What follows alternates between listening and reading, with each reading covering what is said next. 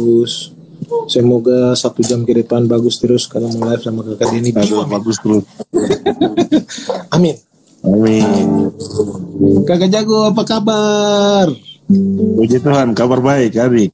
Aman toh? Emang aman, aman, aman, aman, aman, aman. Aman sekali, sangat aman.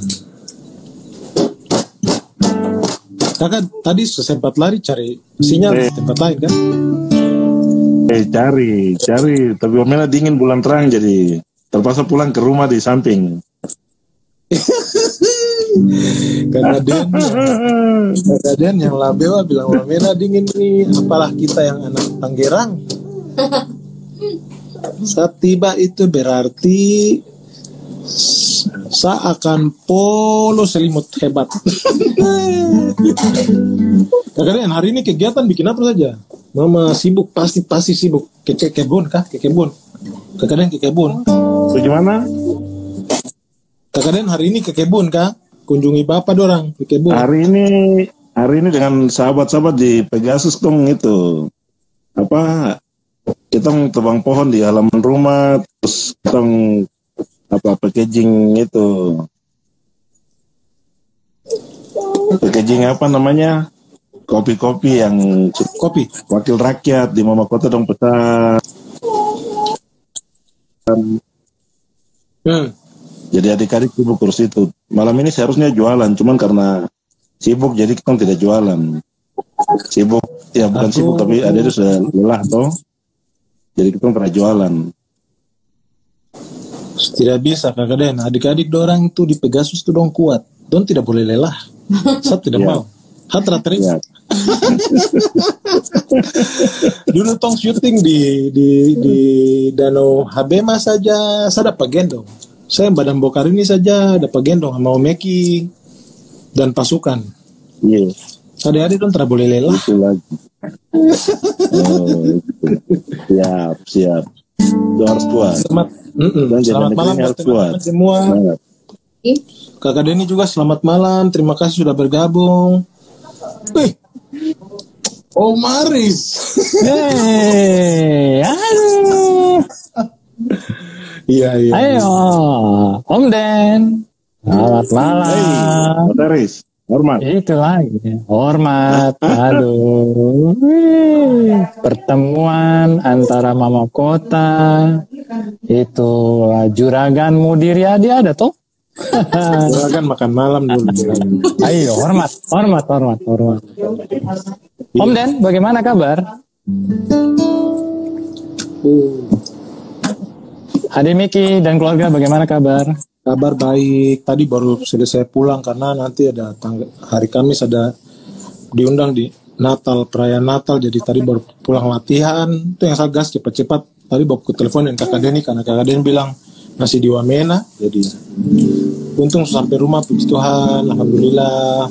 Kakak Den juga su- bisa bisa terkoneksi. Kakak Den, kakak Den dengar sap suara jelas. Ah, kalau begini jelas ada pat-pat angin kurimat saya kasih kikis-kikis sedikit Berarti saya tidak boleh. Berarti saya harus tunggu kakak Denny bicara selesai baru saya masuk. Tidak boleh potong karena mungkin ada delay di situ. Angin kurima tuh dia paling lincah masuk di sela-sela.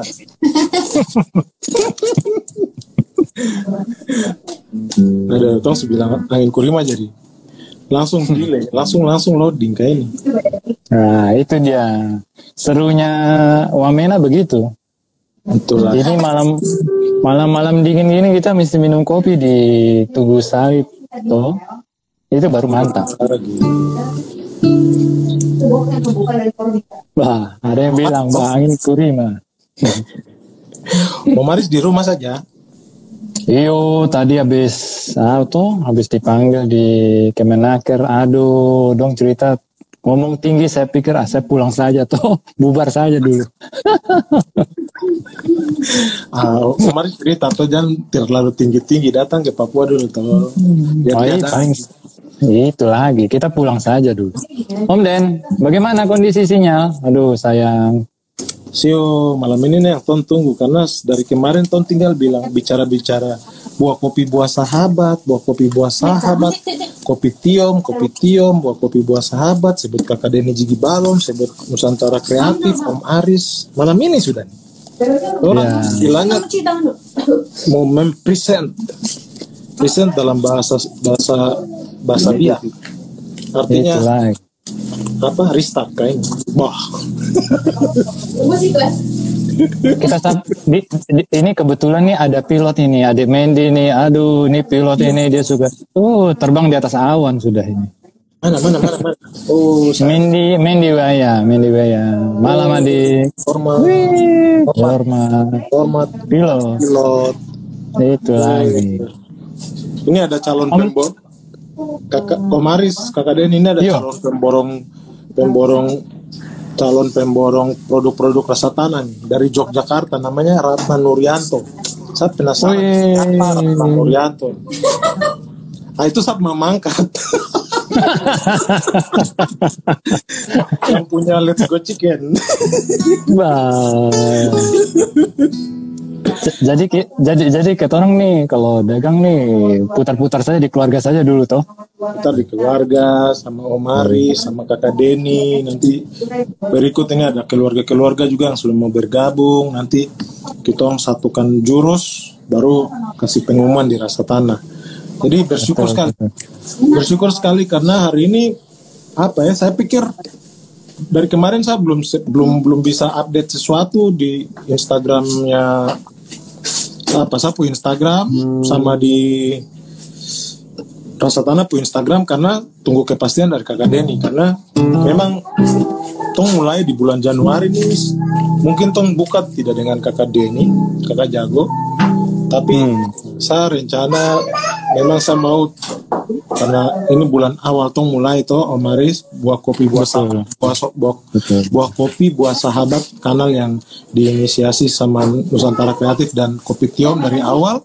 Dan akhirnya apa orang dari rasa tanah nih meneruskan. Jadi saya pikir tidak lengkap kalau Tom punya bulan awal ini pertama kali Tom mulai. Tom tidak Tom tidak muncul. Maksudnya dari Om Aris dari Om Aris dari Nusantara Kreatif dan kakak Denny Jigi Balong juga. Jadi aduh bersyukur. Sekalipun sinyal hilang-hilang tidak apa-apa sudah. Kakak Denny pasti ada berusaha cari sinyal dia. Nih Pasti. Angin angin ang- angin kurima lagi digeser dulu. Ke arah mana? Kan saya tidak jelas itu. angin. Tidak apa-apa. Kok Iya. geser geser tapi tumpuk kekeluargaan kok tidak sanggup geser? Malah Nah, betul. boleh hilang. Tapi Iya. orang akan terus maju. Kok ada itu Betul. sebagai pelengkap? Pemaris, Betul, jadi saya mau Ah, ah, tadinya kan mau apa tong mau ngobrol sama kakak Denny itu mau tanya kakak Denny punya sekarang lagi kesibukannya apa? Kakak Denny kan tong kenal di Jayapura sebagai kakak pilot toh Betul. satu penerbangan. Oh ini kakak kakak, kakak Denny sambil minta untuk gabung. Penerbangan di, di di di Papua kakak Denny selain terbang kakak Denny juga dia bergerak untuk pun punya adik-adik dorang di kota Wamena di kota Jayapura. Semua yang tahu kakak Denny dan tahu. Kakak Denny itu seberapa dekat bukan orang yang cuma kenal dari jauh tapi pasti kakak Denny ada maksudnya ber, ber, berkontribusi dalam apa saja maksudnya dalam teman-teman dorang dalam berkesenian dalam komunitas-komunitas musik atau komunitas-komunitas fotografi atau uh, dong dalam apa me- me- mencari mencari kreativitas dalam ber, ber, ber- apa berkelompok. Pasti kakak Denny juga salah satu yang hadir di situ.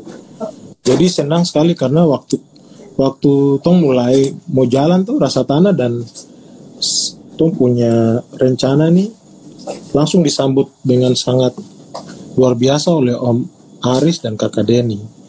Karena yang saat ya yang supaya teman-teman tahu rasa tanah ini adalah suatu pro, apa eh, platform belanja online produk lokal Papua di mana tuh waktu itu mau mulai tadi Om Aris sudah bilang tuh mulai dari tumpuk keluarga-keluarga saja dulu nah Betul. waktu itu Tom pikir siapa yang Tom bisa ajak untuk misalnya support kita orang. Nah waktu itu Tom tahu kakak Denny karena kakak Denny sudah mulai usaha kopi dan ternyata kakak Denny punya usaha kopi Tiom itu eh, dari kebun itu untuk diolah dan di, di- ya diproduksi juga se- untuk secara regional dan nasional itu sama Om Aris dan teman-teman ini. Jadi mungkin Om Aris juga boleh memperkenalkan diri. Kenapa bagaimana sampai Om Aris bisa ketemu Kakak Deni terus tiba-tiba Om Aris juga tong ketemu terus jalan dengan rasa tanya. Sambil tong cerita tunggu Kakak Deni bergabung. Iya. Saya sebenarnya tong ya rada telat juga masuk Papua atau di tahun 2018 dengan biaya sendiri. Jadi sebenarnya saya belum begitu mahir di awal tuh bergaya Melayu Papua, tapi langsung sekali masuk langsung langsung ke pedalaman toh. Nah ini Oke, inti-inti. Iya. Intinya langsung kita melihat apa sih kegalauan tongku saudara atau keluarga di sana. Ternyata sudah ada apa fondasi toh di mana tuh eh, komoditinya semuanya organik. Itu tertera di bukunya apa BPPT di Fajar mereka di, di Bumi Tion Iya. itu menceritakan bagaimana Lani Jaya pada era tahun 1980 sampai 1995 itu sudah menerapkan integrated farming atau land conservation. Nah, Itu bahasa Produk- kampungnya apa itu? Om Aris? bahasa kampungnya integrated farming itu jadi eh, perkebunan yang terintegrasi, sistemnya terintegrasi. Jadi antara perkebunan, eh, perikanan, terus juga ada eh, eh, peternakan. Hmm, hmm, hmm. Jadi jadi eh, jadi bisa dikatakan itu di sana sudah ada bawang putih tunggal, ada bahkan ada eh, 40 macam jenis eh, ubi organik dan tentunya juga dengan eh, biokopinya toh atau di, Iya, iya. pada saat itu disebut biokopi tapi dikenal itu kopi organik. Nah, Organik. Betul. Nah, kopi ini dulu sampai 400 hektar. Nah, khasnya kopi organik ini dia tidak sampai tontonan. Dalam satu hektar itu maksimal cuman kalau terawat dengan baik tuh 600 kg per hektar organik. Karena memang tidak ada penerapan pestisida ya. Hmm. Jadi eh, sistemnya eh, agroforestry. Nah, istilah agroforestry ini sudah dilakukan oleh hmm, kita punya TT, Iya. tetua-tetua kita. Cuma memang sebenarnya kita belajar kembali ke ke pola pertanian zaman dulu. Cuman di, di disentuh dengan teknologi dan segala macam. Halo, Om Den. Aduh. Pindah, pindah, posisi. Yo, oke. Nah, di situlah di 2018 itu Om Den ini unik orangnya. Dia tidak kenal saya. Kita hanya tahu vi- via telepon saja. Jadi Om Den tuh senang ngobrol. Toh mikir sudah tahu toh kalau Tongku kakak nih tel telepon bisa sejam dua jam. Woi, dia cerita tuh segala macam. Tuh saya pikir ini cerita kenapa tidak ada yang rangkai, tidak ada yang buat sesuatu. Om Den kirim kopi tuh green bean. Eh, saya bingung juga nih mau diapain. Saya saya tidak minum kopi toh. Jadi saya langsung bawa ke klien saya seorang presiden direktur di salah satu anak perusahaan Astra. Hmm. Nah, itu langsung digoreng dan hasil gorengannya itu baunya eh, lumayan enak, tapi saya karena tidak minum kopi, itu presiden bilang, ini Aris Aris yang bagi dulu. Nah, ya, saya hanya ambil cuma satu satu kan cangkir kecil, ke- sangat sedikit sekali. Sudah itu dia bilang, bener Riz, cuma ngambil segini, iya. Setelah itu, itu dari mulai presiden direktur, GM itu rebutan bagi itu kopi tuh. Saya bilang, "Ih, ini barang apa sih? Saya bilang Iya, iya. kok sampai begini betul. Tapi memang pasti ini hasil dari karya para petani yang betul-betul tertib lah. gitu. Iya, iya. Nah, Om Den ini udah menjalani ini dari tahun 95 ya Om Den ya. Perjalanannya Om Den ya. Ya, ya udah oke. Om Den dengar? Eh, kan besok rencananya memang Dengar. Halo. Siap. Ya, oh Saya ya. monitor, dengar, dengar, dengar. Ini, Siap. yo. lebih. Mungkin lebih tepat sekarang Om Den sudah bisa itu. Om Den cerita dulu bagaimana bisa ketemu kita kita toh. Ayo Om Den. Eh, ada Labewa satu Mona Lisa Sembor. Eh, hormat patah-patah. adik. Tidak gini jadi Iya. patah-patah. Gak apa-apa, Oh, kakak cerita gitu. aja. Notaris lanjut Suara cerita. Kalau suara Om Den jelas, silakan Om Den. Suara saya jelas ya? Jelas, jelas. Jadi bicara tidak apa. Biar gambarnya patah-patah tidak apa. Tanya lagi ke Bu Rita sekali lagi. Apakah lebih baik Om Den. dan Ya, saya dengar suara kemarin sama adik Mai agak patah-patah. Apakah saya punya suara juga patah-patah ke situ? Tidak, tidak. Suara Om Den jelas, lancar. Silakan.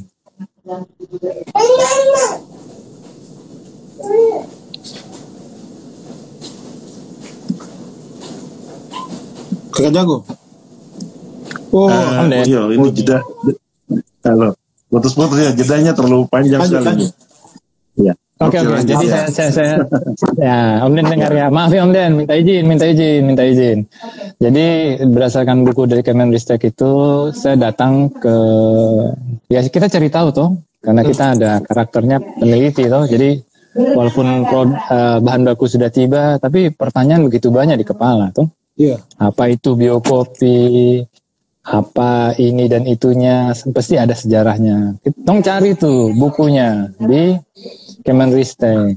Tong email tuh para ilmuwan yang pernah turun di era tahun 80-an sampai 95 tuh. Iya. Tapi tidak di- ti- tidak dibalas email saya sama BPPT. Karena pertanyaannya saya terlalu detail tuh. Sebulan kemudian sudah ketemu lah nanti baru ketemu.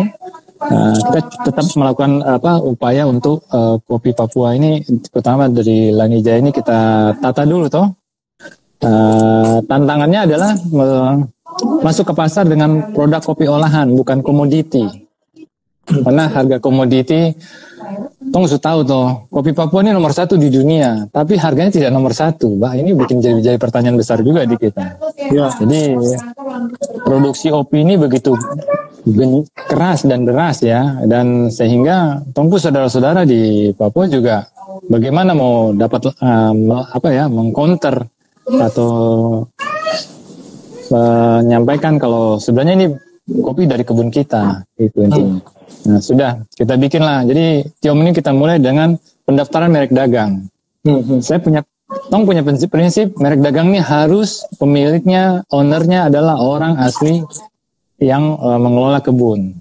Nah, saya sudah dapat desain ini, lalu saya rapikan dan Om Den sendiri ya, puji Tuhan ya, daftar ke Kementerian Perindustrian di klinik HKI. Ya, saya nggak saya ingat tuh komentarnya Om Den. Bah, ternyata gampang tuh, bilangnya. Ih, gampang Om Den. Gitu. Ini saya ada di kementerian, tapi yang saya ingat sopan santunnya Om Den Iya. ketika datang itu Eh tidak? apa? tidak tidak memamerkan dia itu sebenarnya saya sudah tahu ini ini orang besar ini saya yang datang ke Papua so dia bilang gitu. tapi Om Den itu santun sekali kalau bisa saya katakan ya kalau Jawa nih kromo inggilnya terlalu tinggi nih orang keraton nih gitu. Hmm, Den pun ke ruangan para pejabat di kementerian pun juga kalau tidak suruh masuk Om Den hanya berdiri di luar saja sambil senyum-senyum. Saya bilang gitu, Om Den sini masuk. Saya bilang gitu. Iya. Sudah sudah daftar merek dagang, lalu apa yang kita lakukan? Kita harus Waktu punya itu manual profil. ya? Waktu itu manual, Manual, sekarang- manual. sekarang digital. Manual. Belum. Manual kita isi sendiri dan segala macam. Dan berikutnya kita harus bikin eh, ini toh eh, company profile tentang apakah Tiong itu.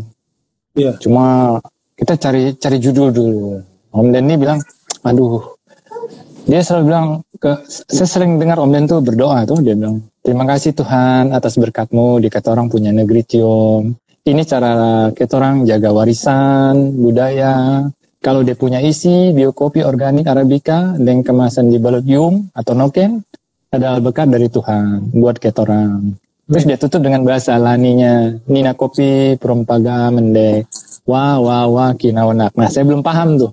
Ini apa Om Den saya gitu. Nah, Om Den, Om Den bilang Om Aris datang dulu. Nanti Om Aris akan.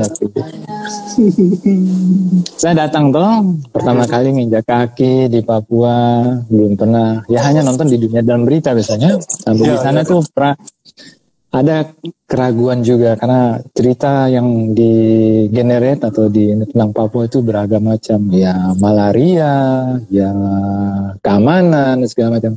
Tapi saya percaya Yang undang saya ini, yang undang saya ini seseorang yang punya niat niat untuk eh, memajukan negerinya. Tentunya saya berangkat tuh sampai di sana. Yang saya rasakan pertama salaman. Salaman ternyata orang Papua salam tuh memegang eh, di atas pergelangan tangan ini. Jadi dia pegang sini itu. Itu Om Den sa- saya tanya, saya telepon Om Den. Om Den kenapa orang salaman begini berbeda? Itu karena Om Aris orang luar yang belum pernah datang ke Papua. Dia mau mengatakan selamat datang, Anda aman. Oh ya, saya bilang gitu. Iya. Nah, sampai di Sentani, ya sudah, terus menuju pesawat ke menuju Wamena. Sampai di Wamena saya khawatir, nanti saya dijemput kah tidak? Tapi karena memang betul-betul khawatir saya. Sampai saya, karena saya sendirian tuh. Iya. Sampai di Bandara Wamena, saya lihat kiri kanan orang muka sama semua nih. Iya. Saya, yang mana Denny? Muka sama. Iya, muka sama tuh. Saya bilang, yang Denny Jiki Balom mana eh? Dan saya hanya sering dengar telepon suaranya yang berat di bawah toh. Hmm. Saya lagi mau ambil barang yang kedengaran selamat datang di Wamena. Dan saya bilang, itu Denny Jiki Balom. Saya bilang, hey, Om Den kah? Iyo. Langsung dia salaman gitu.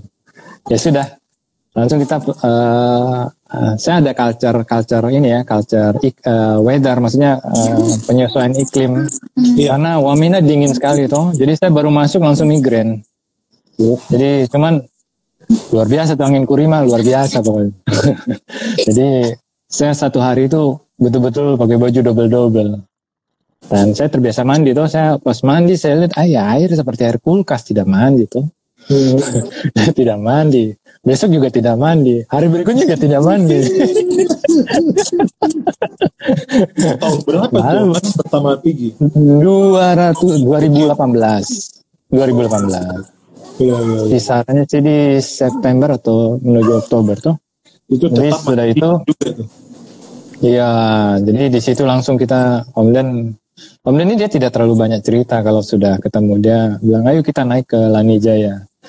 Nah, pas naik ke Lanijaya itu saya ketemulah semuanya yang apa keadaan alam di Lani itu. Berangkat pagi, dah sampai di sana ketemu keluarga, bicara-bicara, melihat ladang kopinya dan segala macam lah. Dan saya coba membaur untuk minimal tahu budaya dulu, eh, mengenal budayanya Tiong. Sampai di sana juga eh, saya bilang, Om Den kita turun. Nah nanti saja. Dan satu-satunya ka- kami turun tuh jam 9 malam. Hmm. Sampai di perjalanan tuh, waduh, kita kena angin puting beliung toh. Itu turun ke Tapi- Wamena? Ke Tiong? Iya turun ke Wamena, ke Wamena. Dari Tiong turun. Tapi selama ya selama di Tiom ada fenomena yang bagus. Ke mana saya melihat view selalu saya melihat ada pelangi dan pelanginya ada double. Iya. Jadi pelangi satu dan pelangi kedua dan itu bergabung. Om Den kasih bilang begini, orang yang bisa lihat pelangi datang ke sini dia orang dia melihat satu eh, apa eh, keajaiban karena Om Aris datang tuh dengan buka hati tuh. Iya juga eh, saya memang penasaran sekali dengan Papua tuh. Ini di ketinggian berapa? Dan bisa saya sampaikan saya tidak makan nasi selama di Papua, saya makan buah-buahan saja. Hmm, hmm. Saya makan alpukat, ada makan juga kacang tanah, pisang, dan menurut saya itu sehat sekali. Hmm, hmm, hmm. Nah, kita kembali ke kopi. Setelah itu, eh, saya, saya sudah mendapat gambaran. Wah, ini ini bukan masalah kopinya ini sebenarnya itu. Ini masalah eh, apa? eh, orang belum mengenal Papua dengan baik. Dalam artian orang tahu Papua dengan cerita-cerita yang macam-macam tuh. Jadi saya harus membuat satu profil yang sesuai dengan dengan kenyataannya gitu. Nah, terakhirlah itu satu istilah yang Om Den dan ini adalah kelibat, eh, pelibatannya Om Bek toh. Iya. Jadi tentang budaya itu Om Den, iyo, Om Den menyebutnya laki-laki terakhir dan dunia yang hilang. Nah, apa yang dunia yang hilang itu? Dunia yang hilang itu budayanya. Ketika terjadi pergeseran, Wow. eh, banyak yang lebih condong ke apa? ke keadaan yang luar Papua ketika mencoba untuk diterapkan di Papua berbenturan toh entah itu listrik dan segala macam. Aduh, saya langsung wah Om Den puitis sekali ya saya bilang gitu. ya begitulah saya. Terus Om Den juga akhirnya ke Jakarta atau Om Den sering medek kan dia pilot kan Iya, harus iya. medical check up toh. Iya. Dan saya dalam hati saya harus pertemukan Om Den ini dengan eh, ilmuwan-ilmuwan dulu yang orang tua yang dulu waktu Om Den kecil-kecil yang Om Den dulu hobinya manjat pohon kilu. Jadi buat nonton dunia dalam berita tuh Om Den tuh jam 9 malam kita di sini, berarti jam 11 malam di Lani. Iya. Nah, untuk nonton TV itu cuma ada di Rumah Putih. Nah, itu ada tuh adik kita nih sih, ada adik Mandy itu juga gitu. Dorong tuh mandi, eh apa, nonton tuh sambil manjat pohon. Jadi, padahal TV-nya jauh. Iya, iya. Tapi iya. anak-anak Papua ini bergantungan di pohon kilo tuh ayu- berayun-ayun, kena angin. Coba bayangkan, Tiom itu jam 11 malam itu su iyo, suhu tuh kisaran 4 sampai 6 derajat. Itu freezer itu betul, betul. luar biasa. Dan bayangkan Denny Denny Jigi Balom dan diikuti adik Mendy ini ada adik Mendy di di Remcani dan dia Amini toh gitu. Jadi mau nonton TV tuh mereka tuh berayun-ayun di pohon kilu itu. Yang penting bisa kelihatan gambar gitu deh. Nonton, Nah, nonton. gitu lah. Nonton. Dan setelah Om Den tiba di Jakarta, terus saya pertemukan dengan para ilmuwan-ilmuwan itu, dan Om Den melihat ada tulisan dari Bapak B.J. Habibie. Nah, itulah cikal bakal kenapa Om Den jadi pilot. Jadi Om Den tuh suka gelantungan di roda pesawat Wow. itu waktu kecilnya dan ibu almarhum Ainun Habibie selalu melihat anak-anak Papua ini eh, sebagai cikal bakal anak-anak yang bakal jadi orang lah gitu. Jadi Bu Ainun tuh selalu meninggalkan buku tentang eh, dunia dirgantara. Nah Om Den selalu baca itu. Oh, ditinggalkan Itu sebab- di, jadi bekal di anak-anak Tio. Ya betul. Jadi karena dari buku itu Om Den selalu bilang wah suatu saat saya akan bawa ini burung besi ini. Dan ya sekarang dia jadi pilot. Seperti itu. Luar biasa. Dan ketika ketika tiba di BPPT ada tulisan uh, ini apa hmm, ungkapan B.J. Habibie yang yang mungkin uh, sering kita dengar yaitu uh, berawal dari akhir dan berakhir dari awal. Dan itu menurut Om Dan ya kita di Papua harus seperti itu. Jadi tidak ada jangan ada uh, berakhirnya. Jadi kalau kita sudah memulai sesuatu kita kita stop kita mulai lagi dengan pembaruan yang lain. Nah itulah Tiong Apa tadi Jadi Tiong- berawal dari akhir? dan berakhir dari awal. Wow. Itu itu itu apa ya sustainable ya, sustain. Iya, gitu. iya. Jadi tidak. Nah, dari sana itu Om Den saya kaget para ilmuwan itu ternyata bisa bahasa suku Lani. Dan ketika ketemu pertemuan antara Om Den dan para ilmuwan itu suasana seperti di Tiom. Hmm.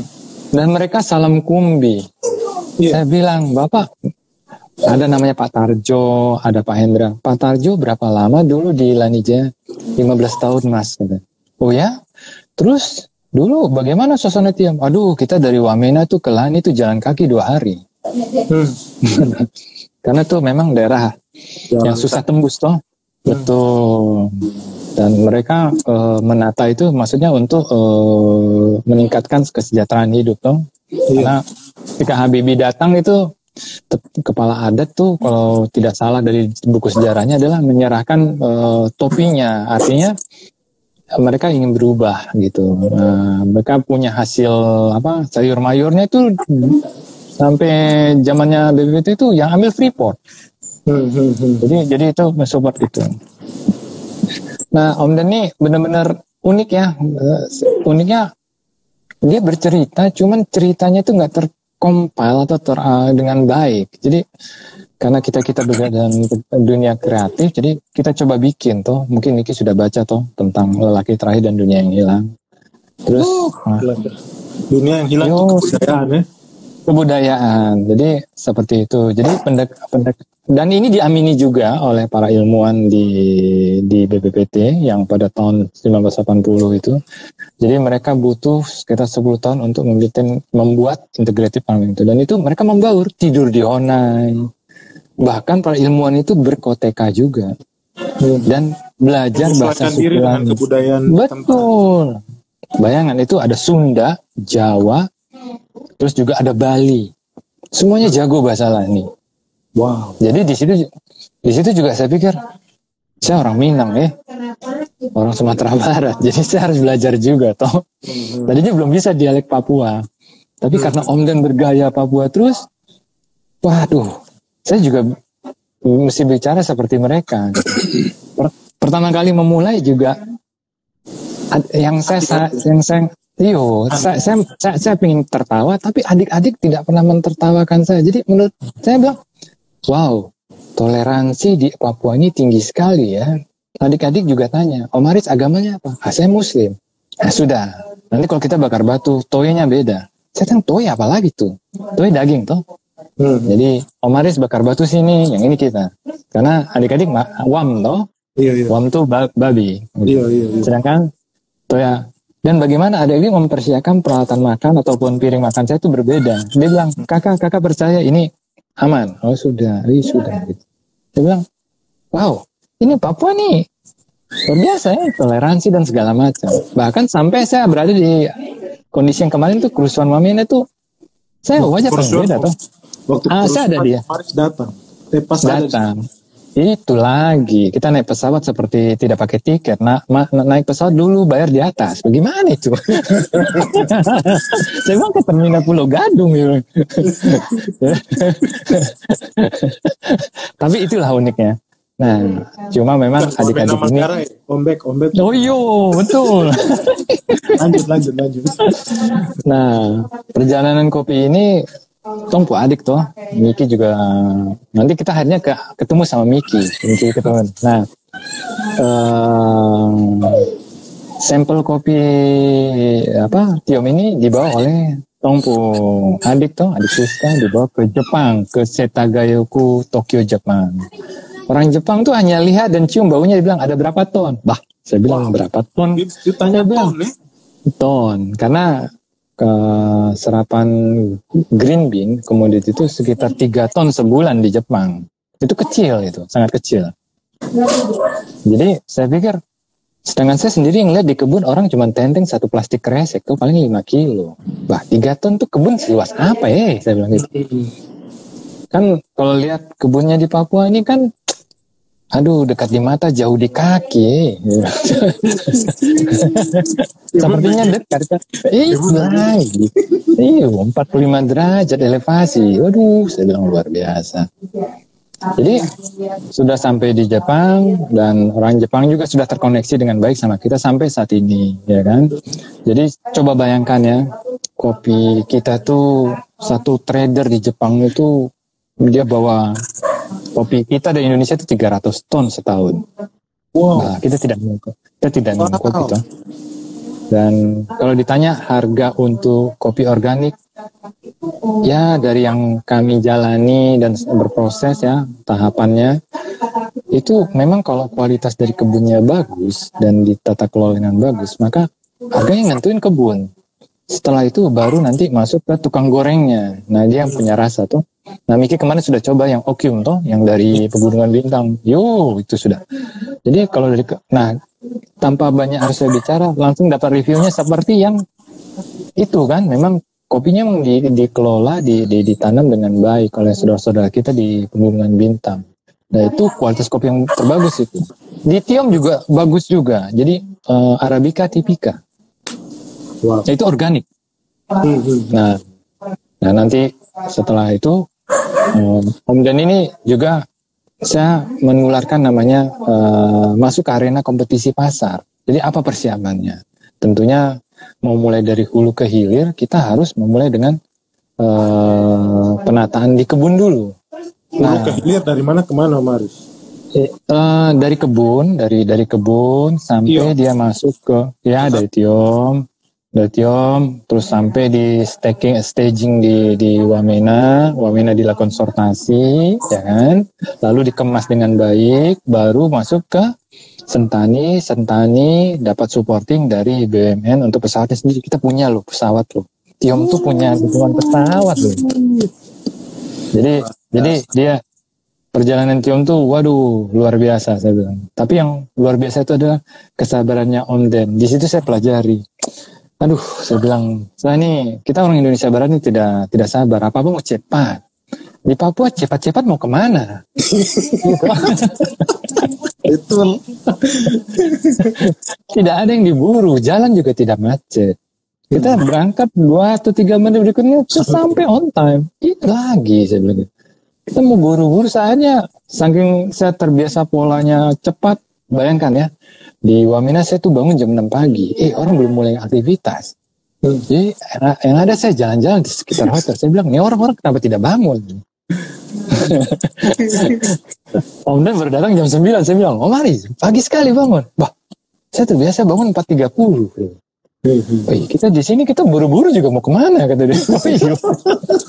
Betul juga. Seputar di situ saja. itu lagi saya bilang, wah, deng, saya yang tidak tidak menyatu dengan kondisi keadaan di sini loh gitu. Nah, Den akhirnya eh, pingin eh, masuk ke arena pasar yang berjenjang tuh dari lokal, nasional, kalau regio ju- justru terbalik regional dulu masuk, baru lokal dan nasionalnya. Nah, lokalnya waktu itu sudah punya pemikiran untuk yang mungkin Miki pernah kita sampaikan warung kopi sahabat kecil toh. Tapi dimulai dulu dengan warung kopi Moses Jiki Balom di Lani Jaya kita bikin. Iya, iya, iya. iya. Nah ya, adik itu kita tata dari mereknya, terus kemasannya, sampai dapat dukungan peralatan di awal dari BUMN, dari PT Sarina toh. Mungkin di sini coba lihat tadi Pak Ngurah katanya mau hadir dia. Mudah-mudahan beliau mendengar ya. Nah itu pas zaman dirutnya Pak Ngurah. Nah di sini, nah ini yang menariknya sekali lagi. Ketika Om Dan pun eh, apa saya bilang Om Dan biasa di Jakarta jualan di mana? Nah saya jualan di pinggiran-pinggiran Tamrin aja di air mancur itu toh di Bundaran HI. Kakak Denny bawa sendiri dan kakak Denny jualan. Iyo, dia jualan. Saya bilang, aduh pilot ini. Terus ini orang bagaimana ya? Ternyata itu ada latar belakang. Jadi Om Dan ini sudah terbiasa berdagang sogo, sogo jongkok istilahnya di waktu dia kuliah dulu. Jadi mentalnya ini, waduh jangan bilang. Saya aja bilang, aduh gengsi juga ya. Saya bilang, tapi masalahnya yang punya kebun aja, yang punya gunung, jualan di situ, ah, kita ikut juga tau gitu. Sementara saya sudah eh, karakternya membawanya di arena yang ya berkelas toh gitu. Terus saya dalam hati saya bilang ah tidak bisa nih Om Den mesti langsung ketemu sama pengambil keputusan langsung saya setting waktu untuk ketemuan di Rut Sarina. Ah, di situ pas ketemu Om Den dengan cara Papuanya lagi. Dia bawa kopi itu dalam kemasan yum atau noken.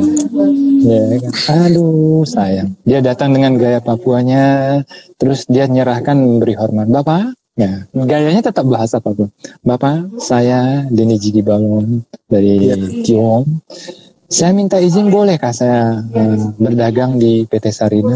Tentunya di Rut belum pernah tau. Biasanya kan kalau yang ketemu pejabat gitu bicara terlalu sopan apa. Kalau Om Den bicara secara budaya Papua dia bilang, oh ini kali yang dimaksud Om Den itu kopi ini cuma bonus. Kan pernah dia sampaikan tuh. Iya, iya, iya. Kopi ini bonus tuh. Kopi ini Ya, cuma ya. yang penting Bon, kita punya kebudayaan. betul. Jadi ketika performance atau karakter Om Den ini dibawakan itu itu membuat saya sendiri, aduh rasanya bagaimana ya saya bilang gitu. Kita nih orang kota keras-keras juga tuh kalau ngomong mau pengen cepat, pengen ini. Ternyata orang Papua kita datang dan lebih lembut dari orang orang Jawa gitu, dari orang Jogja. saya. Dan dia kasih, terus dia sampaikan minta izin. Nah, gak lama itu eh, hari yang sama di jam yang eh, para direktur jajaran eh, BOD-nya Sarina semua keluar. Dan surprise-nya mereka sudah lama mencari mana itu kopi Papua. Karena hanya selama ini kan yang bawa bukan orang Papua selalu trader. Dan mereka mempertanyakan ke saya kenapa Aris membawa eh, orang Papua langsung ke sini? Aduh saya punya saudara ini mungkin dengar-dengar Sarinah juga dengar di pinggir-pinggiran saja Om Dan juga bilang saya pernah Pak jualan di pinggir di trotoar dekat Sarinah andalan. Ayah, aduh, saya langsung sedih. Langsung saya bilang gini, Om Den, mulai sekarang tidak boleh. Om Den jual di sini. Tidak boleh jual di pinggiran. Tapi itu saya punya gaya, Om Aris. Iyo, tapi Om Den di sini, di, di Mama Kota, Om Den sudah kenal uh, Bapak Dorang ini. Jadi kapan saja Om Den boleh jualan di sini. Nah, Om Aris tuh yang jual? Ah, tidak. Den datang. Nah, akhirnya dari situ berkembang lagi sampai sekarang hadir di Ombe Coffee. Jadi kalau eh, yang senang ngopi eh, di tempat-tempat yang bagus ya, eh, green bean tuh diolah oleh Ombe Coffee di eh, pusatnya itu di Pluit toh. Jadi selalu tuh dari Bandung. Ini. Iya, green bean Captium. Karena memang berjenjang tuh kita harus tes yang green bean kayak apa pasarnya, yang kopi olahan bagaimana. Nah, green bean-nya aja itu berapapun yang ada di Jakarta itu cuman sampai di kargo tuh santung habis. Wow. Mau 100 kilo, mau berapa habis, habis. Terus penasaran saya, ada rasanya kalau green bean aja kita tidak akan banyak menciptakan lapangan pekerjaan untuk keluarga kita di eh, Tiong tuh. Saya ingin ada cita-citanya pengen ada pabrik kopi yang dikelola oleh adik-adik kita. Karena adik-adik kita juga mungkin untuk perjalanan dia bisa mencapai seperti Miki panjang toh.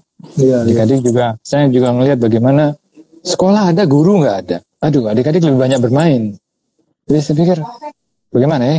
Apa kita bikin sesuatu dulu toh? Kita istilahnya dulu ruang publik terpadu ramah anak berbasis budaya. Jadi, waduh, ini adik-adik tidak nangkap itu.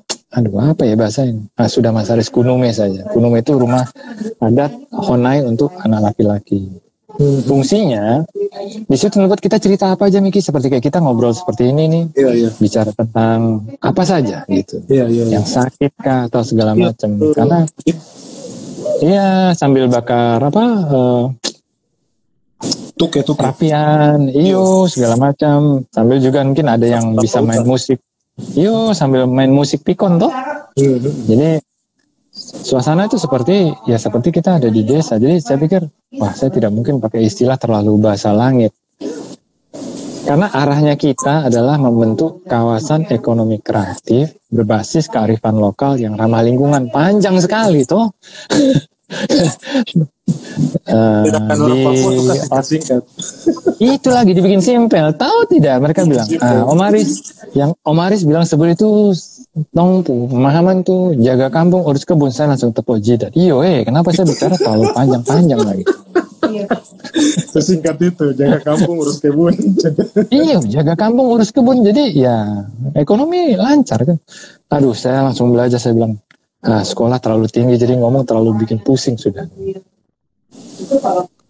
Nah, sesudah itu perjalanan Om Denny panjang, ikut festival kopi Papua, walaupun selalu berada di pinggiran gitu kan. Tapi saya lihat, eh Om Denny sebenarnya capaiannya sudah luar biasa, udah ke mana-mana tuh. Eh, yang kita rapikan dulu kemasan. Yang Miki sudah terima segala macam tuh logo yang sudah ada.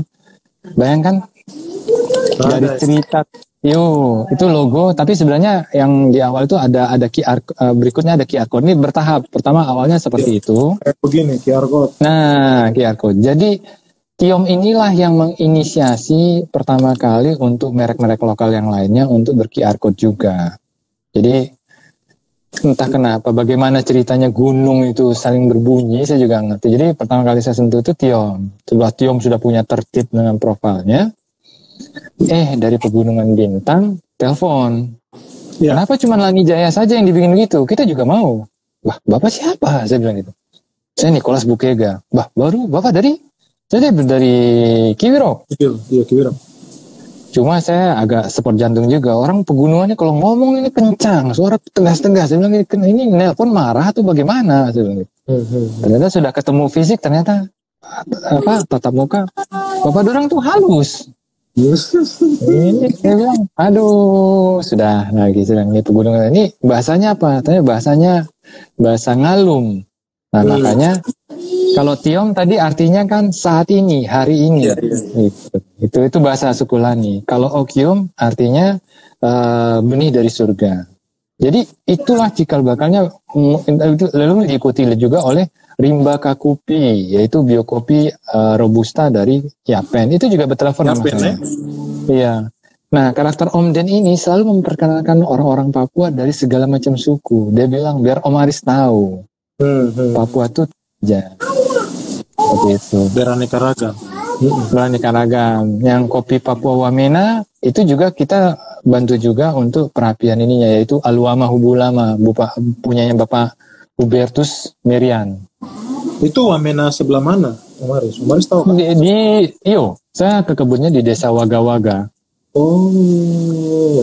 Jadi kalau saya boleh bilang, kalau orang bilang kopi Wamena di Wamena di top, di ibu kotanya nggak ada kopi ya yang ada kopi Wam kopi Papua Desa Waga-Waga Kabupaten Jayawijaya dan ada lagi juga di Walesi ya kan oh. eh, Desa eh, Yagara saya Hmm. sudah ke sana semua nah Om Denny selalu mempertemukan saya sama orang-orang tua yaitu eh, kalau di Yagara itu Okesa Hmm, Oke saya gara. Oke, Sio. oke, oke saya Gara. Jadi namanya bagus-bagus.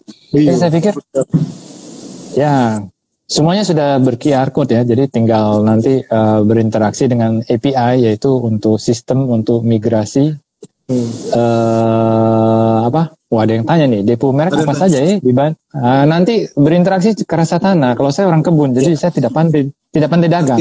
Nanti biar Kalau mau Rasa tanah, apa merek-merek yang ada da- kerjasama sama Om Aris dorang di NK Nusantara Kreatif dan apa rasa tanah tuh kita ada sementara ada empat ya, empat kopi kopi Tiom, kopi Okyum, Aluama Ubulama sama Rimba Kakupi. ya. Sebentar lagi nanti oke saya Gara hadir juga di rasa tanah. Tapi Om Aris, saya mau maaf saya potong. Kemarin Boleh, kan saya kita cerita sama Kakak Denny, telepon Kakak Denny, hari ini nanti kita live, oke oke. Terus Kakak Denny bisa baca suara pembicaraan. Jadi saya Nah. bangga banggakan dulu Kakak Denny, kopi tiom nih begini begini begini. Kakak Denny bilang adik, sebenarnya yang adik adik tuh maksud itu betul. Tapi adik harus tahu bahwa kita orang di kebun, kita orang tidak bisa banggakan kita orang sebagai yang terbaik. Betul. Saya tidak bisa bilang bahwa Tiom itu lebih baik daripada Okyum. Okyum Betul, baik betul. daripada Betul, uh, betul. Kita orang tuh semua sama. Kopi kalau kau bicara satu berarti kau bicara semua. Kopi Papua. Jadi kita orang tuh semua sama. Betul, betul, betul. Luar biasa sekali. Nah, kenapa mereknya ada Okium dan segala? Sebenarnya kopinya itu kopi Papua, itu saya setuju. Sedangkan tulisan apa penyebutan mereknya Tiom, Okium, Aluama Hubulama, Oke Sayagara, Rimba Kakupi, itu identitas budaya. Itu kebunnya dari sana. Jadi kalau Tiom itu pakai bahasa Lani dia punya profil. Oh, jadi bahasa pertama itu bahasa Lani. Jadi ada ada kata-katanya yang eh, jadi kita kembali belajar tentang budaya.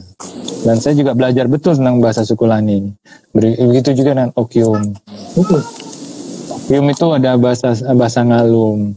Eh, Rim, Rimba Kakupi juga ada bahasa Serui toh, bahasa dari Ambai Diru. Terus bahasa suku Baliem toh, Ah, Luama Hubulama itu suku tertua di Babaliem. Nah, oh, Pak Hubertus Marian itu Ondo Follow, Ondo. Nah, oh, hormat, Jadi- hormat. betul. Jadi seperti itu eh, perjalanan dari. Jadi memang dimulai dari Tiom merembet ke mana-mana. Jadi Nusantara Kreatif ini bukan trader, bukan. Kami ini adalah pekerja industri kreatif yang yang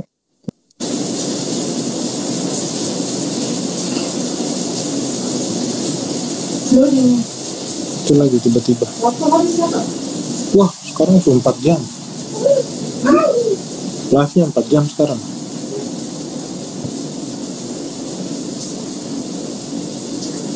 Wah, sinyal. Hormat, hormat. Wah, wah, wah. Sinyal di Omaris tempat ini lagi. Lagi jelek. Mungkin sebentar lagi kita akan mengumumkan eh, pemenang giveaway.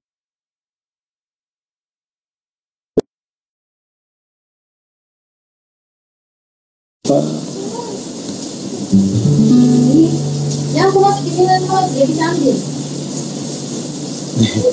Ada besok ternyata peresmian pelabuhan de Papre. Luar biasa. Sio. Terima kasih. Ini memang orang hadir untuk sebagai info toh. Om-om dorang semua yang Om Aris ada yang bilang apa diskusinya menarik.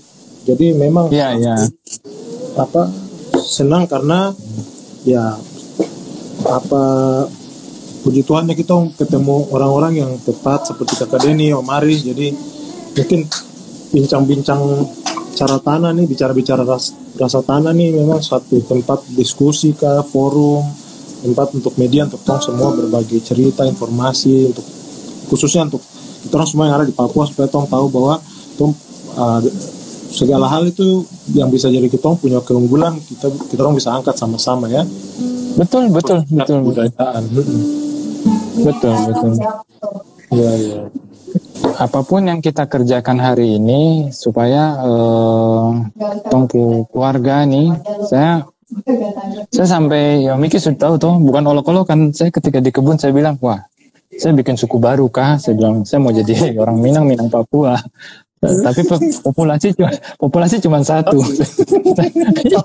saya punya saya punya Honai sendiri. Saya tidak boleh bawa saudara-saudara lain karena saya berpikir gini, ini Papua tanah Papua ini Eka koko ya hormat wah wah Eh, hormat.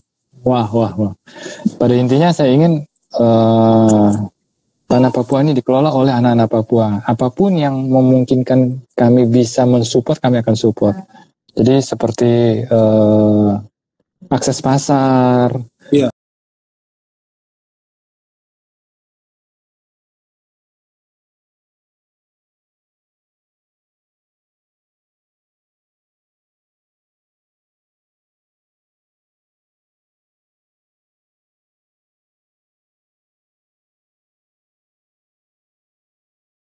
eh, Miki juga ketika rasa tanah juga kita juga arahkan Miki.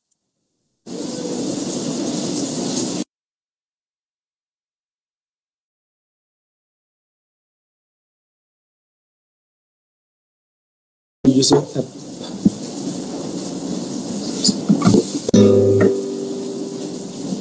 iya iya.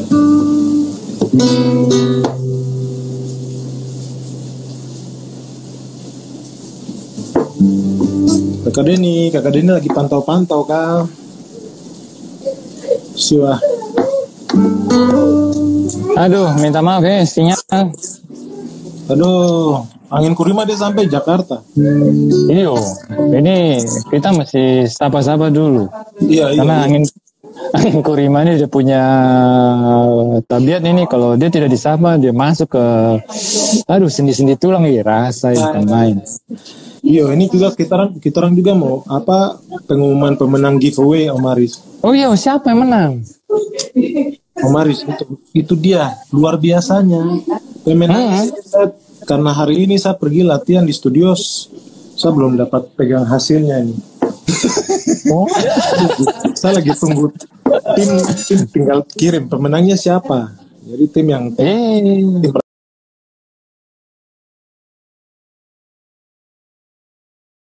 Rasa Tanah lagi bergerak di belakang ini lagi seleksi-seleksi tapi sudah sudah dapat pemenang yang keluar tadi pas saya sampai di rumah saya belum sempat ini cek eh ada ini kata dia.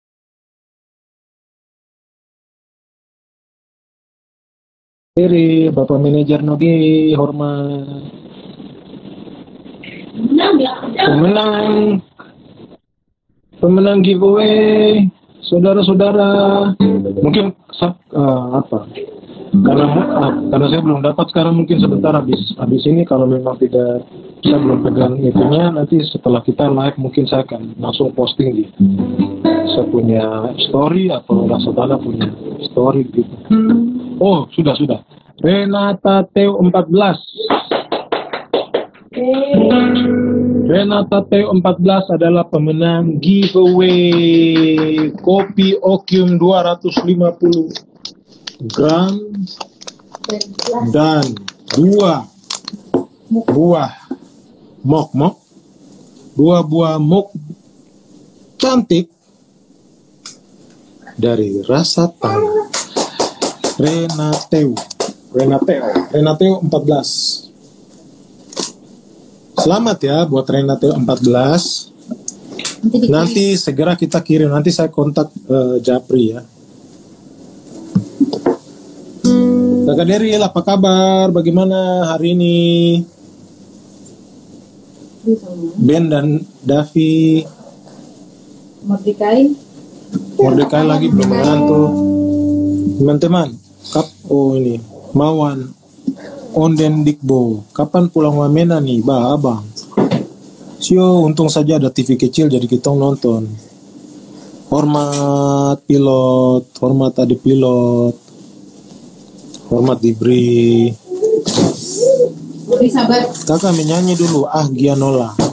Tadi saya menyanyi tapi ternyata nada ketinggian. Iya. Sorry sorry sinyal nih Jakarta Iya, iya. Timur. Baru baru saya baru. Selamat malam Giveaway-nya. kakak oh nih, adik manajer. Jadi pemenang siapa ya? Tadi Renateu, Renateu 14. Oh, ini ada yang request nih, buang satu lagu dulu sambil tunggu single. Single, maksudnya single no gay, Persipura kan? Iyo, kita orang pemenang toh. Kita orang pemenang. Itu.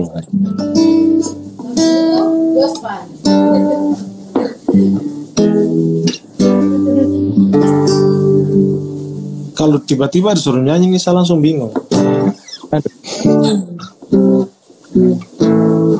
Apa tuh? Eh, One passion wambare Bel parareyo Mamau monaya ini Yaro subondi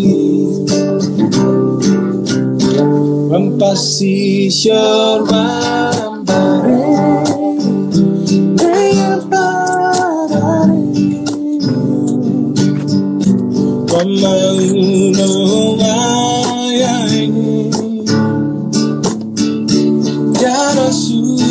Bel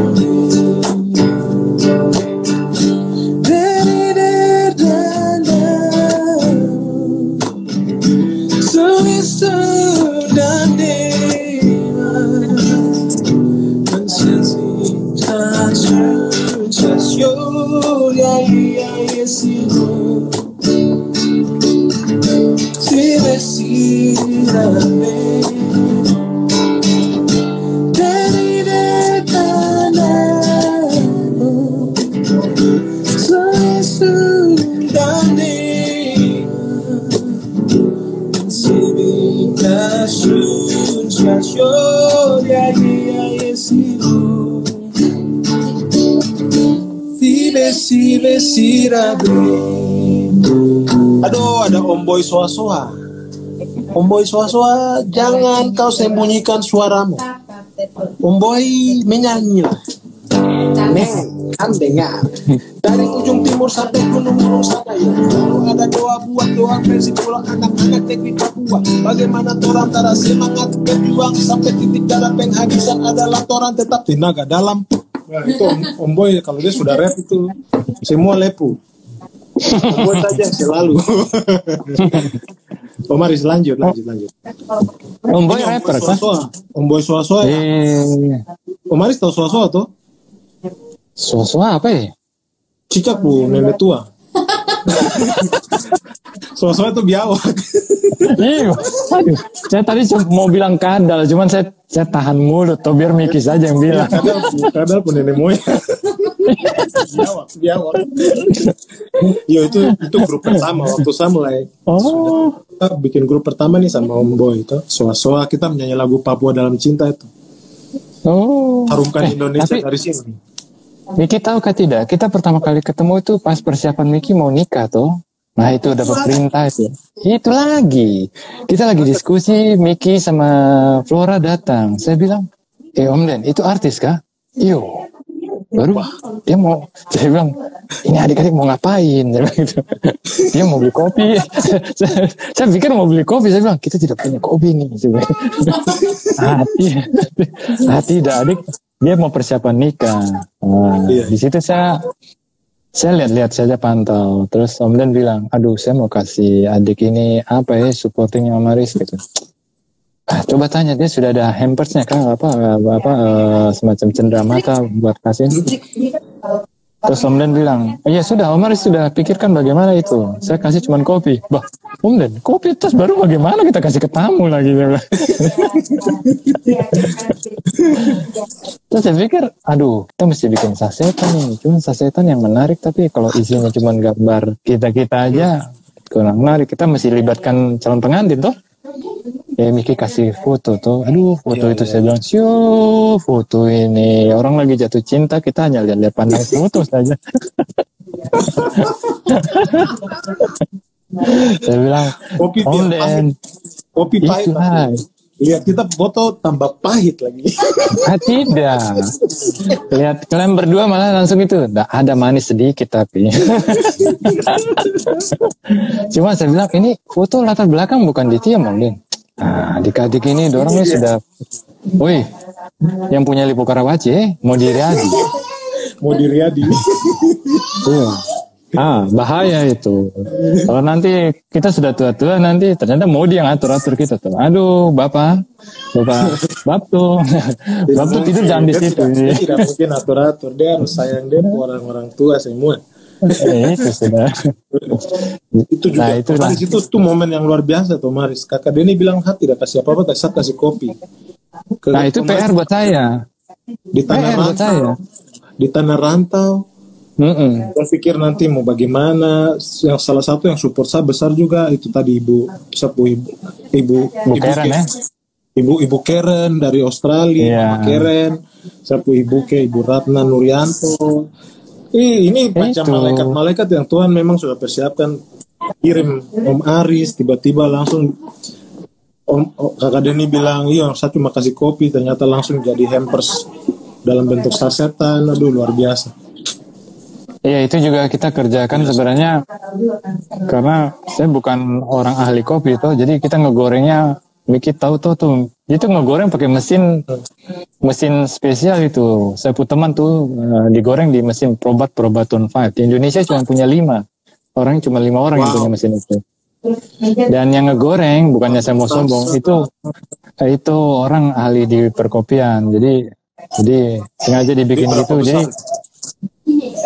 Itu deh mesin tuh harganya satu miliar kah kalau tidak salah saya. Dan orang yang ngegorengnya juga itu kita mau gaji dia juga. Aduh dompet langsung tekoyak itu. Yo, pantas waktu Maris kasih masih dalam plastik tuh harum apa harum sampai Itu Kalau lagi. pulang itu sampai lagi. ke rumah itu harum sampai rumah tuh gara-gara kopi. Betul, Diem. betul. Jadi nah, di situ kita coba menghadirkan itu dan saya antar tuh ke Miki. Cuma memang saya punya kecepatan untuk bikin banyak itu tidak se- se orang yang ahli kopi. Jadi saya habis goreng, giling, terus masukin satu-satu saset, tempel stiker. Jadi itu jadi pengalaman tersendiri juga. Ternyata kalau jualan kopi yang seperti Om Dan lakukan itu, aduh butuh kesabaran tingkat tinggi. Jadi saya pikir, aduh saya bilang, sayang. Si Om Denny dia mengalami semua peristiwa itu. Baru saya yang baru mulai-mulai saja tidak boleh ngeluh toh. Ya sudah. Di situ kita yakin wah ternyata ini kopi bubuk. Kalau dikelola kalau di Mama Kota aja responnya begitu mestinya di Papua akan menjadi produk unggulan. Ya kan? Nah mulailah kita melirik adik-adik kita yang ada di pasar yang maaf ya yang Aibon itu saya datang ke pasar adik-adik itu datang saya bilang aduh dia panggil saya bos lagi. Bos saya mau kerja saya sama bos. Eh, tidak ada bos di sini saya tapi adik-adik saya lihat tangannya gemetar. Oh, ah? iya adik. Iyo saya bilang sudah makan? Belum. Ya sudah kita beli jagung segala macam. Terlintaslah itu sebuah rencana rencana besar ya Miki. Ya, lahirnya warung kopi sahabat kecil. Hmm. karena nanti ke depannya kami kami ini akan tua Miki juga akan tua. Si Modiriadi itu adalah seperti lembaran buku putih toh Miki? Hmm, jadi kita harus eh, menulisnya dengan kata-kata yang baik Iya, iya. dan memberi contoh yang baik. Dari situ kita berharap adik-adik yang tadinya Aibon nanti akan mengelola warung kopi sahabat kecil ini kalau di Mama Kota Cafe kalau kita di Gunung Susu ya warung saja toh gitu. Nah, adik-adik jual dari iyo adik-adik jual dari honai ke honai. Dan itu laku. Hmm, hmm. harga pertama kali tuh Miki sebenarnya cuman kita mau launching di harga 2000 rupiah. Tapi adik-adik punya pemikiran ah tidak kak. Kita jual 5000 ya sudah 5000 boleh gitu. Hmm, dia jual di ke ojek depan Susu tuh iyo orang ojek bilang gini lah kopi 5000 terlalu murah. Sedangkan kapal kapal api aja 10000 ini harus 10000 Kata, ini kopi lebih enak deh kapal api. Oh, aduh. juga minta maaf ya kalau nyebut merek ini minta maaf minta maaf. Bukan saya ini yang ngomong tukang ojek toh dari situ tuh kita tidak pernah melakukan eh, namanya eh, harga itu kita yang tentukan. Karena harga itu kita serahkan ke konsumen. Dia mampu daya belinya berapa. Nah uniknya di- saya bikin event tuh selama pandemi yaitu kaya karya Indonesia lahirlah istilah buah kopi buah sahabat itu yang sudah lama melekat di karakternya Denny Jigi Balong Wow, Kenapa, Om Den? Buah- ya, buah- ternyata Iya. orangnya. Kenapa buah kopi buah sahabat Om Den? Ya dengan buah kopi ini kita jadi uh, banyak aktivitas uh, saling bersahabat. Ya, gitu. Oh iya, Om Aris dulu tidak kenal saya tuh. Tapi karena kopi kita jadi sahabat tuh. Saya tambahin lagi. Bro. Kalau saya tambah eh sahabat rasa keluarga Om Den. Eh, yo betul kata dia. Yo sudah. Nah, Om Den tuh punya banyak istilah tapi untuk mendeliverinya menyampaikannya dalam kekinian itu kita harus awal baik tuh nah itulah Om Den hadir berlaga di arena kompetisi digital dan selama wih Mudi Iya, terus lanjut luar Mari. biasa aduh saya pun Lanjut ah, lanjut. ini presiden presiden presiden Papua ya aduh tampang ini pengganti Lukas NMB kan nih gubernur kan ya Kami Itu- dia nanti jadi apa saja yang dia mau. Iya. Jadi eh, kopi ini akhirnya menjadi eh, kita kita rencanakan gimana menjadi produk unggulan. Akhirnya istilahnya jadi local champion. Iya. Dan dia lahir pada masa pandemi ini dengan Oto Kopi Lendinya Om Den itu. Iya, iya, iya. Kalau di Mama Kota kalau di Mama Kota kita sebut food trucking loh. Tapi kalau di Papua tuh tidak serumit yang seperti kita di Mama Kota. Cukup minum kopinya, bawa buah pinut kering, korek api, kompor, kettle, sama air. Sudah. Mau menunya juga adik-adik yang tentukan. Pahit, Sah manis, adalah. ya, pahit tapi agak manis sedikit. Wah ini kenapa terlalu panjang menu terakhir saya bilang. ya sudah, kakak. Kalau gitu kita sebut pamse aja. Bah, pamse apa tuh? Pahit, manis sedikit. Alah, saya bilang. Jadi, Jadi sudah. Terus mereka juga nyebut dirinya dirinya itu adalah Pegasus. Saya tahu Pegasus. Iya, saya tahu Pegasus itu nah, kuda tuh. Saya bilang, kan tidak ada kuda. Ada yang ternak kuda kah di sini? Saya bilang. Ah, tidak kakak. Pegasus itu penjaga gunung susu. Astaga. Saya bilang. Ah, boleh istilah. istilah. Jadi warung kopi sahabat kecil, hashtagnya itu warung kopi sahabat kecil Pegasus. Terus tukang gorengnya kalau di Mama Kota kan pasti ada apa roastery itu kalau iya, barista atau gitu. Kalau kita di kampung tuh tidak pakai istilah gitu, tukang goreng. Nah, tukang goreng kopi, Yang goreng. Eh, tukang goreng kopi. Terus Kau pakai ada persyaratan eh. itu lagi. Terus tukang goreng kopi baru dia pun nama siapa? Saya bilang. Anto. Bah, kok kan ada farm, ada marga. Iyo, Anto Wenda sudah. Iyo, sudah tukang goreng. Jadi jadi jadi hashtagnya jadi panjang. Tukang goreng kopi Anto Wenda. Saya bilang ini ngetiknya capek nih saya bilang. Tapi ya Papua toh, siapa berani lawan? Jadi itulah kopi Tiom, warung kopi sahabat kecil Pegasus, terus Anto tukang goreng kopi. Nah itu. Iya. Sekarang terakhir tadi Kakak Den tuh sibuk ngapain? Ada pemesanan Komisi 7 DPR RI sebanyak 20 bungkus. Saya bilang, Om Den, Wow. eh sorry, 50 bungkus. 50, 50 bungkus kali 200 gram berarti 10 kilo ya Om Den ya? 10 kilogram saya bilang gitu. Wah, ini tidak tidak usah lempar pasar ke mana? Ke Mama Kota juga habis sudah ini. Iyo, sehari ngegoreng tuh bisa 5 kilo toh. Berarti seminggu tuh bisa 30 kilo. Sedangkan dari temuan kami tuh ka- kafe atau warung di Jakarta itu sekitar maksimal satu kafe itu 30 kilogram.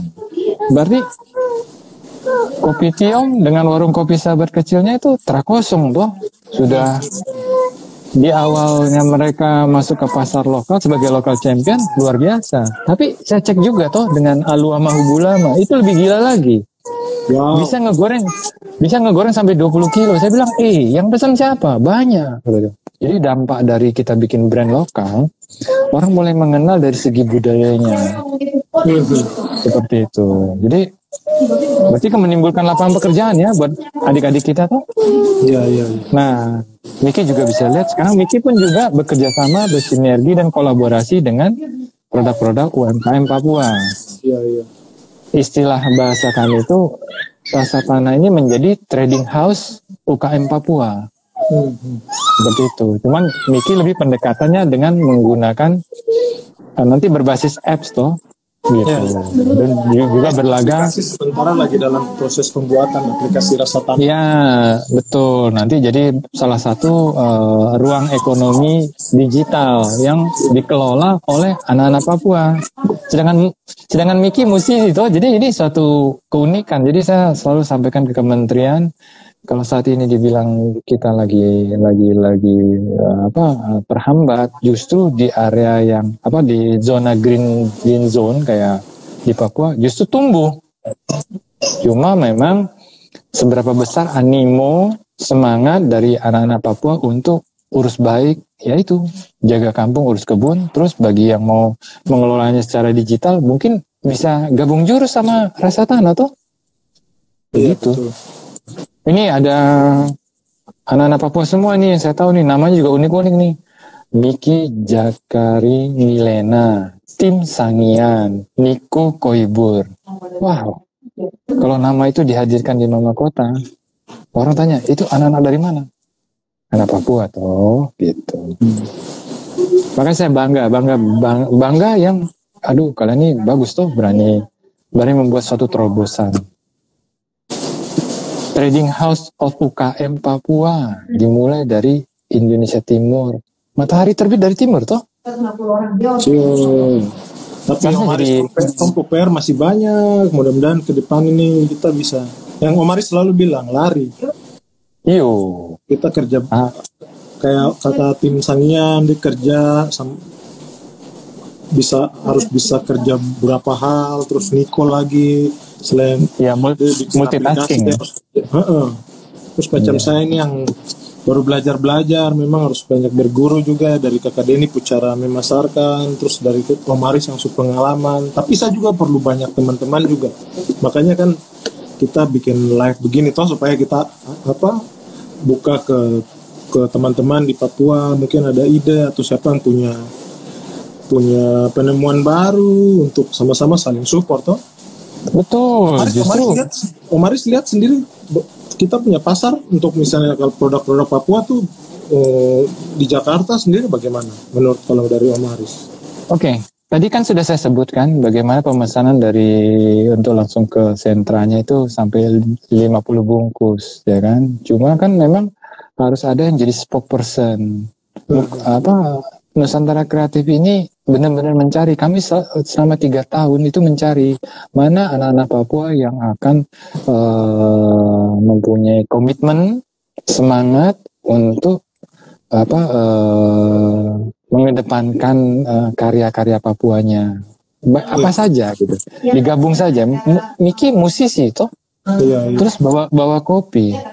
Kalau istilah saya gitu, eh kalau misalnya Miki punya lagu bagus, kenapa nggak di, di, di, di bundling dengan kopi, sagu, atau Iya. dengan segala macam gitu kan? Berarti banyak kategori. hal ya, banyak hal ya. Banyak hal, banyak hal. Jadi kita harus membuka diri setiap apa, apa eh, mungkin ada perbedaan eh, pendapat atau apa itu biasa, dinamika tuh gitu. Iya, iya. Karena tidak mungkin kita harap semua bisa sama dengan on pikiran kita tuh. Saya sama Om Den aja sendiri eh saya punya keinginan tuh secepat-cepatnya. Ibaratnya saya mau angka 10. Om Den bilang apa? Om Aris, Om Aris pengen di angka 10, saya pingin. Tapi saat ini kami di 0,5. Istilah saya kami kura-kura. Wah, saya langsung sedih tuh. Saya bilang gini, ah jangan sebut yang kata-kata kura-kura itu lagi. Bagaimana kalau 0,5, saya di 10, saya turun, tong baku polo, sama baku bergandengan tangan, kita jalan sama-sama, tapi maju eh, 0,5 tapi menuju 0,7, 08, 1, 1,5. Nah, angka ini yang sekarang Miki bisa lihat sendiri dengan capaiannya kan. Karena kita-kita hadir, ya saya seminggu itu bisa nelpon 3-4 kali ke kebun. Hanya untuk cerita-cerita saja seperti kayak sama Miki gini. Persoalannya lucu-lucu Miki. Persoalan misalnya, aduh, harga beras naik. saya bilang saya juga tidak tahu. Harga beras naik saya juga tidak tahu bagaimana menyelesaikannya. Terus minyak goreng, terus garam tidak ada nih. Yuk bagaimana mau kirim juga dari Jakarta. Dia punya ongkos kirim juga mahal, bukan main per kilo kan. gitu. Apa tidak ada dari sentra di yang di pantai kerjasama tuh? Kan kalau orang sesama Papua saling berkabar nih, kebutuhan yang ada di di Lani disupport oleh orang yang mempunyai produk yang dicari, ini akan ketemu. Nah itu yang kita harapkan adanya peranannya rasa tanah. Jadi kalau udah kumpul semua produk-produknya saling berkabar tuh. Oh saya punya garam di Sarmi atau di mana lagi di Biak begini. Oh kami perlu kopi, kami perlu ubi, perlu ini.